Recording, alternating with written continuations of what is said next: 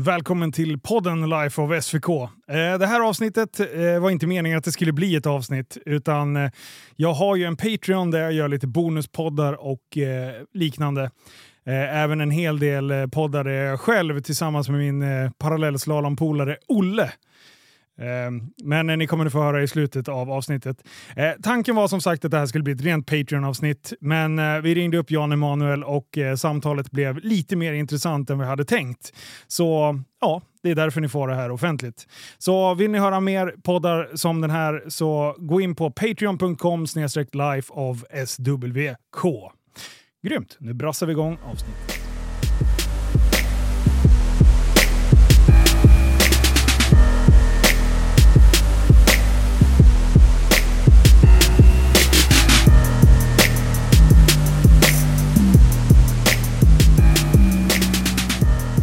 Välkommen till ett eh, litet bonusavsnitt. Eh, jag har eh, klurat på en grej som jag tänkte att vi skulle ta tag i. Jag läser på Instagram att Jan Emanuel har plockat bort Johansson. Det står så här, Jan Emanuel tar bort Johansson kallar efternamn för ett borgerligt påfund. Eh, och alla tidningar har verkligen hakat på det här. Jag satt och klurade lite på det här nyss. Jag skrev ett meddelande till Janne och frågade du, Eh, har du tid att ta ett litet kort samtal så han får förklara det här för oss? och han håller på och driver, eh, tror jag. Eh, han skriver bland annat varför han tar bort, ja det går snabbare att skriva. Eh, borgerligt påfund. Eh, jag vet inte fan alltså. Ja, vi ska ta och ringa upp honom på en gång får vi se vad han eh, vad han säger. Nu ska vi leta upp. Vad heter han? Jan Emanuel. Där har vi hans telefonnummer. Då kör vi.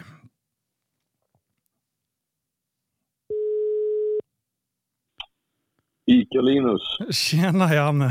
Läget? Det är fint, det är fint. Du, vad, vad, vad håller du på med? Ska du ta bort, ska du ta bort Johansson? Ja, det är viktigt sånt där vet du, med, med normbrytande beteende. Det är ju, jag vet inte om du...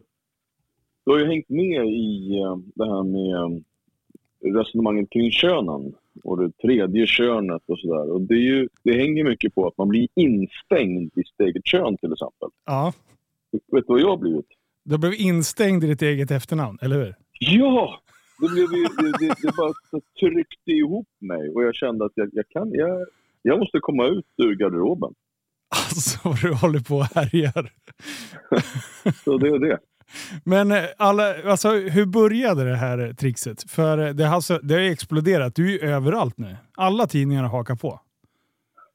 Nej, grejen är att jag, jag försökte göra det lite så här eh, försiktigt och hemligt. Så det här hände ju för, för vad kan det vara, ett par månader sedan. Tre, kanske längre sedan. Som ja. det gick igenom. Så jag tänkte liksom bara låta det glida förbi i tystnad. Men sen så var det någon av outgrundlig anledning som var inne. Någon, någon, jag tror det var jag tror att det var eh, Aftonbladet. Men det, låt det vara osagt vem som var på den först. Men vänta, vänta nu, vänta nu. Du har alltså tagit bort efternamnet? På riktigt? Ja, ja. Jaha! Ja, det, jag trodde ja, bara du hade ja. hävt ur dig någonting. Jaha, okej, okay, nu fattar jag. Ja. Okay. Eller tagit bort. Jag, jag, jag har rent formellt så har jag bara tagit Emanuel som efternamn. Ah, okej, okay, okej. Okay. Men det, det tänker jag inte berätta för någon. Utan jag säger bara att nej, jag har inget efternamn. Jag behöver inte det. Nej, precis. Du är fortfarande Jan Emanuel, fast eh, det hamnar på olika rader kan man säga. Ja, precis. Okej, okay. så, så det här skedde för ganska länge sedan och sen nu har tidningarna snappat upp det? Ja, precis.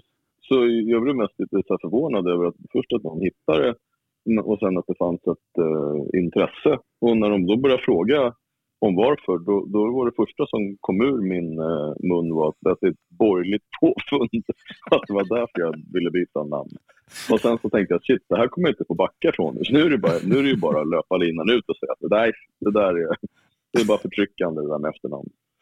Alltså det är så bra. Du, hittar verkligen vägar att eh, reta, reta upp folk. hur har eh, responsen blivit då? Ja, men alltså, det, är ju, det är ju lite fascinerande hur en sån fullständig icke-nyhet kan bli en nyhet.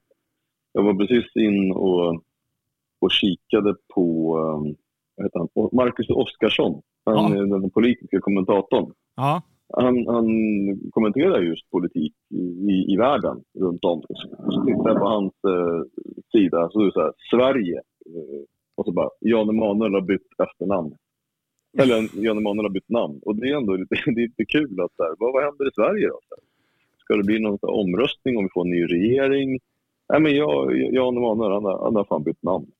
Alltså, Och det är så helt otroligt ointressant. Men ändå att det kan få, att det kan få flyga iväg och, och bli ett intresse. Och jag, oftast så har jag en strategi, att jag har en idé om att nu gör jag på det här sättet liksom, för att jag vill få fram det här budskapet. Mm. I det här fallet har jag inte haft, ett, jag har inte haft något budskap, jag har inte haft en tanke utan det bara fladdrar iväg helt utan min egen liksom, inverkan. Utan den, ja, jag hade inte tänkt att berätta, så det fanns, liksom, fanns ingenting att berätta. Vad ska jag berätta? Jag heter Jan Emanuel fortfarande, fast jag heter Johansson. Punkt. Otroligt ointressant. Men Men varför sen så- tror du att de lyfter upp det då för? Alltså, vad, vad, vad tror du att deras intention är? Är det att liksom, tänker de så här, ja men nu ska jag ge Jan Emanuel lite PR? Eller tänker de så här, ah, men nu ska jag kasta Jan Emanuel under bussen så att folk tycker att han är lite dum? Liksom? Eller var, var, varför gör de det? Alltså, I, det, I det här fallet, så, först och främst så är det ju, åter, det är ju fullt mitt eget fel. Jag kunde, jag, varför kan jag inte bara svara som folk? Jag kunde väl bara säga det. Nej, men eh, jag har kallat Jan Emanuel jättelänge. Jag skriver inte Johansson och det är ju knappt någon som känner till att jag heter Johansson. Så då testade jag att byta och det var, ganska, det var lite bökigt för att du får inte heta ett förnamn i efternamn. Liksom. Det är ju hyfsat rimligt. Mm. Men eh, då finns det någonting som heter hävdnamn. Och då var det någon känd, eh, kan det ha varit hockey, fotboll, fotboll måste det ha varit, som hette typ Sven Tumba eller någonting. Han kallades för Tumba i alla fall. Jaha. Och som Ja. då fick heta Tumba, för att han kom ju från Tumba. Och man får heller inte heta ortsnamn. Men det fick han. Ja. Men han, han fick heta det för att han hade då blivit omskriven i massa olika tidningar som just eh, Tumba. Och det var ju också, så läser man om mig så står det ju Jan Emanuel. Så är det en löpsedel så står det Jan Emanuel bara. Och samma sak i, i headlines och sådär. Ja. Och därför så sa jag, ja, men då är, det var ju samma sak här, hävdnamn. Så varsågod. Och så blev det så. Så så kunde jag ju bara sagt, men då började jag ju, "Nej, det är ett borgerligt påfund och jag sitter fast i det. Och liksom, ja, men trycker på punkter som till exempel den, den kanske mest känsliga frågan just nu, det vill säga du kan inte, du, det finns inte, kvinna, man bara, nej, nej, nej. Du, du är bara vad du känner för att vara. Ja. Och det är ju en sån sak som jag psykar mig på. Jag tycker det är en dum diskussion. Det finns inget tredje kön. Och då tänkte jag, ja, jag testade att göra en abrovink på det och sen så sprang det iväg. Ja. Men det var inte, det var liksom, jag ska inte ta på mig credden på att det var genomtänkt från strategi utan det bara, det bara föll sig så här. Det, du, har liksom ingen plan för att du ska säga sådär, utan Nej. det, det är bara en groda liksom? I det här fallet så, så skulle jag önska att jag kunde säga ja, ja, ja, det här har jag planerat precis hur jag ville få ut och det här är mitt politiska budskap. Men jag, jag dessvärre så inget. Jag, lyck, jag lyckades få med den här liksom, lilla provokationen kring könen på en hårsmån. Men det var ju, det var ju bara i, i, i, precis i stunden. Och det har inte... Nej, så jag har, det, det är ingen strategi den här gången dessvärre. Okej. Jag tror att du har blivit inspirerad av eh, ditt eh, omklädningsrumsval. Jag tror att du liksom är inne i den där bubblan. För, för du väljer ju inte herrarnas omklädningsrum längre. Nej, det var länge sedan. Det finns ju på Satsgymmet där jag tränar så finns det, finns det ju ett um, könslöst uh, omklädningsrum där man får gå när man liksom är lite vilsen. Eller, Förstås inte vilsen, utan man har hittat hem i sin neutralitet. Så det är ett neutra, neutralt omklädningsrum när man inte riktigt känner sig som... Man bara, vad är det för någonting egentligen som jag är? Då kan man gå dit. Ja. Dit där byter jag ju om konstant, alltid. Men då, då har man ett eget omklädningsrum, egen, egen dusch. Egentligen är det ett lyxomklädningsrum. Ja, ja, det är klockrent. De, det, det superroliga är ju att de har tagit bort, egentligen så är det där bara en eh, stor um, handikappstoalett. Så de har kastat ut och de bara, handikappade, skit i dem. Vi måste tänka på dem som inte är riktigt trygga i vilket kön de är. Och så stoppar vi in dem där istället. Ja. Så eh, där är jag och duschar. Det- där, där är du. Och jag, jag tror att det är säkert därför du har fått lite feeling. Du, du är inne i den här... Eh, att, att just att du har svårt att välja kön. Och, och det är nog där namnet har kommit. Jag tror det har legat underbyggt under en Ja. längre tid. Tanken bakom den provokationen, den är ju oftast eh, när jag provocerar så vill jag nå fram till människor för att sen kunna säga vad är då den politiska poängen med provokationen. Mm. Och som det förhåller sig i Sverige precis just nu så kan du alltså som barn, alltså när du är så här, nej men jag är 12, 12 år, så bara, nej men vet du vad, jag är 13. Jag, jag känner jag är, jag, är, jag är inte kille egentligen. Jag känner mig att jag är tjej, jag behöver göra ett könsbyte. Mm. Så kan du få gå in på kemisk väg och börja sätta igång ett könsbyte. När du är ett barn, Ja, det är sjukt. när du är en ung tonåring. Alltså, och, och, och lite senare sen så tycker man ju då att du också rent kötsligt, det vill säga att du kapar bort din penis och ersätter den med, med en vagina då, som läkaren hjälper dig med. När du är så här 15 år och då skulle du kunna få bestämma det utan dina föräldrars hjälp. Alltså försök att komma ihåg hur mycket du fattade när du var 15-16 år. Ja, det var Man är fan inte mycket. Alltså. stort, nej, men man är ju bara ett stort härke. Ett, ett stort knippe av olika känslor som springer åt olika håll. Bara, Idag är jag syltare, imorgon är jag hårdrockare. Sen tycker, kan- kan jag dö för Hammarby och sen bara nej, bästa polaren är AIK. AIK menar jag. Ja. Men det, det gör inte så mycket. För hela den här åldern är till för att man ska testa saker. Du, du, du är ju som allra farligast just då. Det är då, du riskerar att dö hela tiden. Du klättrar, bara, klättra inte upp på tåget för det är hög, högspänning där. Gå inte upp, du kan dö. Man bara, nej, upp på tåget grabbar! ja, precis. Det, det, Varningslappar är ju det så- uppmuntra, uppmuntran till spännande saker. Stoppa inte Ja, ut huvudet här. Man bara, vad finns Nej. där ute? Det är exakt så man tänker. Ja, men ex, exakt så. Och Ja. de ungdomarna, de tycker man att de ska få avgöra om de ska få könsstympa sig själva. Det är Mm. inte direkt ett, här, ett beslut man kan ångra sen 14 dagar senare. Nej. Och när du då går tillbaka och tittar på forskningen, titta och följ upp då hur det har varit. Är det en person som sen har ångrat sig att jag vill inte vara Lisa längre, utan jag vill gå tillbaka och vara Kalle. Ja. Det är ganska många. Och det, fin- det finns Och det eh, statistik på det, eller? Ja, alltså det finns, alltså statistiken är inte självklar däremot för att det finns, det finns, det finns ju mycket mörkertal förstås. Absolut, men det, absolut. det man har följt upp så ser man att det är påtagligt. Och att det är också påtagligt när det kommer till psykisk ohälsa hos de som också har bytt och sen inte känner sig hemma i det nya könet. Mm. Och det tackar sjutton för det om man tillåter en tonåring, eller alltså fortfarande ett, ett barn ta ett sådant beslut. Och då, och då att vi i vuxenvärlden, liksom så här, vi ska vara så politiskt korrekta så vi tillåter alltså läkare, utbildade människor att hjälpa dem att göra det här. Ja. Och det är, så, det är så otroligt fel. Det är så jätte, jätteknasigt. Man får inte göra så mot barn. Man får inte, du får inte rösta. Du får inte köra bil. Du får, du får, inte, du får inte gå på Systembolaget. Men eh, ursäkta, jag skulle vilja ha hjälp att så här, klippa av min penis. Är det okej? De bara, ja, det gör vi med statliga medel. Inga bekymmer. Mm. Vill Det gå är en till, dårskap som liksom inte går om... Den är knappt mätbar för att den är så, den är så ofantlig. Nej, precis. Och tatueringar, du, det får du inte göra innan, innan du är 18. För då kan du ångra dig. Nej, du får... Men ett könsbyte, Ja. varsågod. Kör bara. Nej, det, det, det och det, och det är den, den provokationen, det är den jag försöker liksom kittla för att få igång den diskussionen för att den är så pass attans knasig. Samtidigt, om man nu ska utveckla resonemanget kring det tredje könet om hbtqia plus identiteten Ja. så är det ju ganska märkligt att det är inte, det är inte en majoritet som definierar sig eller som har svårt att definiera sig inom de traditionella könsgränserna. Det är inte alla, det, det, om, du, om du bara tar ett så här vanligt snitt så är det inte alla som, som presenterar sig. Nej, men jag är hbtqia plus, plus och idag känner jag mig som och så vidare. Ja. Det är en minoritet. Ja, det Men om det. man ser till, om man ser till den eh, politiska, det politiska utrymme Mm. och eh, det utrymmet man får inte bara i samhällsdebatten utan det här att, ja men som med toaletter till exempel, Mm. som man ska anpassa. Där hela samhället ska anpassa sig till några stycken som säger att de inte riktigt tittar, att de inte riktigt vet vilket kön de är av. Ja. Det kan man tycka det är jättefint av samhället och av alla andra. Men ska samhället funka så? Är det verkligen hela det, ska det hela tiden vara så att den stora majoriteten ska göra större jag ska inte säga uppoffringar, men hänsyn hela tiden för att det är några som känner att de måste vara, jag, jag, jag blir kränkt om du inte kallar mig för det här eller det här eller det här. Mm. Det finns andra saker vi borde fokusera på. Den, den, diskussionen behöver man, man måste våga få säga ifrån. Man måste åtminstone kunna få säga, vet du vad? Jag tycker inte som er.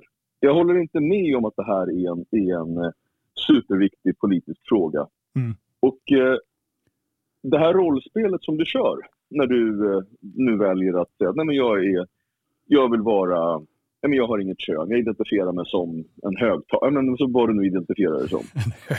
Kör, kör ditt race. Ja. Ingen, ska, ingen ska klanka ner på dig, ingen ska hetsa mot dig eller vara taskig mot dig. Gör precis vad du vill och vad du känner för och det som känns bra för dig. Jag respekterar det. Mm. Men du kan inte tvinga in mig i ditt rollspel. Du kan inte säga så här, om inte du kallar mig för högtalare, om inte du säger just det här ordet till mig, mm. då minsann, då blir jag lack och du är ond. För så funkar det inte. Nej, för det kommer alltid så kan, finnas... Så kan det inte vara. Det kommer du alltid kan inte finnas... tvinga mig att varken säga hen eller, att, eller någonting annat. Nej. För alltså det, är alltid, det kommer alltid finnas undantag som bekräftar regeln. Och jag menar, regeln är ju fortfarande eh, majoriteten, den stora massan. Sen de här undantagen, absolut, det är som du säger, de ska aldrig bli bortstötta eller liksom, eh, attackerade på grund, på grund av det. Men det är fortfarande att de bekräftar regeln. Nej men, ta i skolan. Ja. Så, men jag, vet du vad fröken? Jag, jag klarar inte av att sitta still. Så jag måste få gå och komma hur jag vill i, i klassrummet. Ja. Åh, ja, du är en sån. Och så nästa så här. Nej men fröken, ja, jag, jag, måste, jag har ju så här... Eh, jag måste göra de här sakerna för att jag ska må bra, för att jag är ju superspeciell på mitt sätt. Ja, ja, ja. Mm. Men vilka är det som, som då blir lidande med den här ungen som då inte kan sitta still, som måste gå ut ur klassrummet och som måste göra ditten och datten och datten som alla ska anpassa sig till. Då blir de lidande. Mm. Vi, vi, kan inte ha ett samhälle där, all, där liksom majoriteten, där, där den stora delen av klassen hela tiden ska anpassa sig efter dem som inte kan anpassa sig till klassen. Utan det måste finnas helt andra anpassningar för det, som inte drabbar tredje part. Och det, den utvecklingen av samhället, att alla liksom säger nej men alltså jag kan inte göra som alla andra för jag måste minsann. Kör ditt race, men tvinga inte alla andra att spela efter dina regler. För det är liksom, det är inte, det är inte okej. Okay. Nej, precis. Alla andra, alla andra ska inte anpassa sig efter dig. Så, så den debatten försökte du lyfta med, med efternamnsdrabblet. Men då är jag lite nyfiken på den här borgerligheten som vad, vad, på vilket sätt har du, eller var det bara ett rent utkast eh, just där och då? Eller fanns det någon baktanke? Nej, alltså, när det kommer till vad som är borgerligt så är det en klassisk eh, dispyt inom det politiska. Att man alltid, från vänsterns håll till exempel, så, så är det alltid de borgerligas fel om det är någonting som har hänt. Och samma sak så är det ju för de borgerliga då, är det socialisternas fel. Mm. Och därför tycker jag om, om att, att driva med just den extrema förenklingen av, eh, av samhället som, som politiken ofta håller på med. På samma sätt som man nu säger att nej men nu kommer Sverigedemokraterna få någonting att säga till om. Nu, bygger vi, nu kommer de bygga förbränningsugnar där de ska elda upp alla som, de, som, de, som inte tycker som dem. Och så brukar man liksom hetsa upp eh, en, en stämning som, som helt enkelt inte är, är på riktigt. Mm. Istället för att egentligen, och det, det, det är väl min politiska ståndpunkt när det kommer till tes, antites och syntes, det vill säga motsättningsförhållande, dialektiken i politiken, alltså där man, man är emot varandra. Mm. Det är att din politiska fiende, det är egentligen bara en person som är precis som du. Han vill väl, han vill förändra samhället, men han har en annorlunda historia, en annorlunda syn på saker och ting än vad du har. Mm. Så hans idé om hur vi ska förändra, hur vi ska göra samhället bättre, skiljer sig från din. Men han är inte sämre. Han är inte ond. Utan det kunde vara du, det är bara att ni har olika idéer om hur ni ska förbättra samhället. Och det är den grundläggande demokratiska synen som du bör ha på din politiska motståndare. Absolut. Och det som, har, det som har hänt nu, är att man har frångått till fullo den insikten. Mm. Och hetsar mot sin politiska motståndare i ordalag som liksom inte kan tas tillbaka. När, man, när, när det någon gång sagt så här, nazist, vad, vad, vad kommer sen? Eller när du bara, bara rasist, vad kommer sen? Mm. Hur, vad mer kan du göra för att för, liksom förnedra, att dra din motståndare i smutsen? Det, Ja. det du säger när du säger att det är min politiska motståndare, han är ond. Då säger du till ditt eget lag att den här personen måste vi bekämpa med näbbar och klor på alla tänkbara sätt, med alla tänkbara medel. För han kommer skapa ett fascistiskt samhälle. Ja. Och vad, är det, vad, vad legitimerar du då? När du avlegitimerar den här, din fiende, som, alltså, som medmänniska, utan bara som fiende. Alltså vilket form av samhälle är det, du, är det du liksom bygger upp förutsättningarna för? Mm. Tittar man historiskt i Europa så kan vi titta på hur grannar har slaktat grannar. Så från att liksom ha levt sida vid sida. Ta, ta alltså Balkankonflikten som har varit. Ja. Bos Serbier, bosnier, serbo, alltså hela den grejen. Ja. Hur, hur man betedde sig mot varandra. Just genom att man agerade så här innan. Mm. Dit vill vi inte. Så vi måste tillbaka, visa respekt för din politiska motståndare. Man kan ha hårda debatter, men sen så gör man vad man kan för att samarbeta och göra det som är bäst för folket. För politikerns enda, alena roll, det är att tjäna folket. Ingenting annat. Du är Exakt. inte, en politiker är inte där för att förverkliga sig själv, för att få liksom, att det är inte något jävla jobb. Politik är inte ett jobb, det är ett uppdrag som du har under en kortare period som du ska förvalta. Och där, i din förvaltning är ditt enda allenaste uppdrag det är att tjäna folket. Fattar du inte det så dra åt pipsvängen. Med det som utgångspunkt då, Janne. Eh, hur, hur anser du då att dagens politiker ändå skolas i ungdomsförbunden och sen hänger kvar i politiken hela vägen upp till eh, partiledning och sånt? Är det ett problem? Och hur skulle du då vilja ändra det? Rent praktiskt skulle jag väl egentligen vilja lägga ner alla ungdomsförbund. Ungdomsförbunden är osunda plantskolor för karriärister. Det är, det är en, en, en skola för att, vad ska du bli? Jag ska bli politiker. Ja. Nej men kom igen, vadå bli politiker? Du ska ut i arbetslivet, du ska lära dig vad livet går ut på. Du ska lära dig, du ska ju bli någon för att kunna representera någon. Om det enda du har varit, det är en planta som bara går ut på att du, du ska så här, göra karriär inom politiken. Politiken är inte ett ställe där du ska göra karriär. Politiken är ett ställe där du ska kämpa för dem som du representerar för att förbättra samhället. Det är inte för dig. Politiken är inte, ett, är inte en ego, det är inte en egoshow. Och att om du då utbildar dig till att bli, jag ska bli politiker, då tror man att politiken är ett arbete. Det är det inte. Och för alla de som tänker redan i ung ålder, jag ska göra en politisk karriär. Redan där vet man att du är helt ute och cyklar. Det sista du ska bli, det är politiker. Punkt. Ja. Det där, där har vi en headline också. Eh, lägg ner ungdomsförbunden. Ja, den, den välkomnar jag. Ja. Ja, du, eh, en sista grej bara kortfattat. Hur går det för regeringsbildningen? Har du någon koll? Ja, den, jag tror att den kommer lösa sig. Däremot så, så har den ju hanterat den kunde, just med utgångspunkten från vad vi sa tidigare. Alltså utifrån att man ska respektera varandra, att man vill eh, skapa i politiken långsiktiga relationer för att man tillsammans ska kunna göra det bättre för, för medborgaren. Ja. Det som inte passar in då, det är så här revenge, lite hämndlystnad eller, eller så här att nu minsann ska jag trycka tillbaka de där som tryckte till mig tidigare. Mm. Och jag tror till och med att vi tog upp det tidigare i något resonemang, oklart om, jag tror att vi och du och jag som pratade om det, oklart om det spelades in eller inte. Men det var när, eh, till exempel så finns det första och andra kammarsalen, det är de gamla riksdagssalarna. Mm. Och där sitter ju Socialdemokraterna i första kammarsalen av hävd, för det är den största och vackraste och flashigaste lokalen. Och sen sitter Moderaterna i andra kammarsalen som är den näst största och näst flashigaste. Ja. Och där höll de boa in sig då under historiens lopp. Och nu, kommer, nu blev det ju så, nu följde det sig så att Sverigedemokraterna blev näst största parti.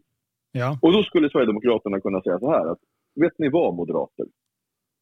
För oss är det fullständigt irrelevant var vi sitter någonstans. Vi vill bara få till ett bra samarbete med er så vi kan liksom få ner den här vidriga brottsligheten och vi vill göra en hel del åt andra saker. Men det är som sagt, var vi sitter, det skiter vi. Mm. Tror du man sa så? Nej, nej, nej. nej. De bara, Ut ur andra kammarsalen. Här ska vi sitta.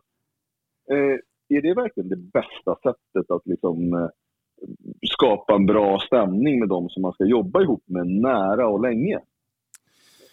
Nej, det var inte så strategiskt. Och, när, och sen då i, så kom vi till regeringsbildningen och då säger Liberalerna att vi vill ju ha ministerposter. Då skulle Sverigedemokraterna kunna säga så här, men vet du vad? Ni har, ni har ju betett er ganska illa mot oss tidigare, men det gör ingenting. För nu är vi i samma lag. Nu ska vi, nu ska vi försöka förändra samhället till det bättre för de många. Och därav, så vet du vad? Vi backar ifrån ministerposterna. Ni får dem. Ni, alltså, hur många kan, Moderaterna, hur många, hur många kan ni avvara till Liberalerna? Ja, men vi, tre. Liberalerna bara, är det sant? De bara, ja, ja men ta de tre ni. Ja. Men vet du vad? Det som är viktigt för oss, det är den politiska, det sakpolitiska. Vad som faktiskt faller ur politiken. Så låt oss få de här ordförandeposterna nu som vi, som vi har resonerat kring. Och det här är de politiska frågorna som vi måste vara överens om. Det här är de, de viktigaste frågorna för oss. Inte 68 stycken, men de här kanske. Ja. Och så lägger man fram dem och så är man överens. Men man bjussar på grejer och man, liksom, man, man omfamnar sin tidigare politiska fiende för att visa att eh, nu så glömmer vi det gamla för att vi måste tillsammans göra det så bra som möjligt för de flesta, alltså det, det stora flertalet, de vanliga medborgarna i samhället. Mm. Och jag hoppas på att vi, att vi närmar oss det nu. Och jag hoppas och tror väl att utfallet borde bli ungefär så att de ger Liberalerna ett par, tre ministerposter så att de också stannar i regeringsställning. För att om de, om de, om de jävlas med Liberalerna nu och säger att nej men ni får inte sitta i riksdagen, ni är med ungefär samma sätt som oss, vi för men, men ändå får vara med. Mm. Då kommer den här regeringen att falla inom, säg två år. För att då kommer Liberalerna tröttna och så kommer man säga nej, nej, nej. För att Liberalerna, deras största, parti, deras största problem med sitt parti, det är att de har en partiledare som är bra, men de har ett parti som är dåligt. Det vill säga medlemmarna är, är, liksom, de är, de är de mest illojala, otrogna väljarna som du kan tänka dig. Och, och, de som är medlemmar i partiet, de hugger varandra i ryggen och, och så fort någon gör någonting fel så går de ut i media och pratar om det. Mm. Så det är ett otroligt osäkert kort. Och därför så behövs det låsas in liberaler i regeringen med ministerposter för att de faktiskt tvingas också hållas kvar. Annars kommer de att dra ja, inom två år och så har vi regeringskris därav. Ja. Kom ihåg vem som sa det, om det blir så. Ja. ja, jag antecknar här. Det är väldigt mycket, det är mycket headlines här. Ja, men fan vad grymt. Eh, då, då har vi fått eh, lite insikt kring det också. I alla fall vad du tror. Får vi se var, ja. vart det landar. Men du Janne, grymt eh, snällt att jag fick ringa och prata lite och fråga vad du håller på med. Mm. Du är överallt nu alltså. det är helt sjukt. Alla medier har skrivit om det här. Det är helt absurt. Vart man än tittar. Jan Emanuel, Jan Emanuel, Jan Emanuel. Ja, Nej, bra. absolut det är det. Bra PR-kupp. Du, tar hand om dig. Ha det Tja! Tja, Jajamän, det var Jan Emanuel. Eh, och eh, det är alltid eh, jävligt trevligt att eh, prata med honom för, han, han, är ju rolig. Eh, eh, han har ändå ett filter, eh, men ibland så frångår han från det och sen kommer det lite sköna uttalanden. Vad tyckte du Olle? Ja, det var riktigt bra. Så jag gillar Jan Emanuel. Jag och Gunilla tycker väldigt bra om Jan Emanuel. Jag tror tyvärr dock att Gunilla är lite på mer eh, hon blir lite pilsk av honom. Jaha, åh fan, det är inte bra. Hur, hur känns det kring det? Ja, men jag har börjat gå till gymmet här nu och eh, sola en hel del. Och jag har ju lite tunnhår här så att jag håller på att beställa hem en peruk som jag kan ha så jag kan se ut som Janne i eh, sänghalmen helt enkelt. Okej, då ska vi gå vidare. Nej, grymt. Eh, det blev ett litet bonusavsnitt. Eh, Grymt! Vi eh, hörs nästa avsnitt då. Ta hand om er.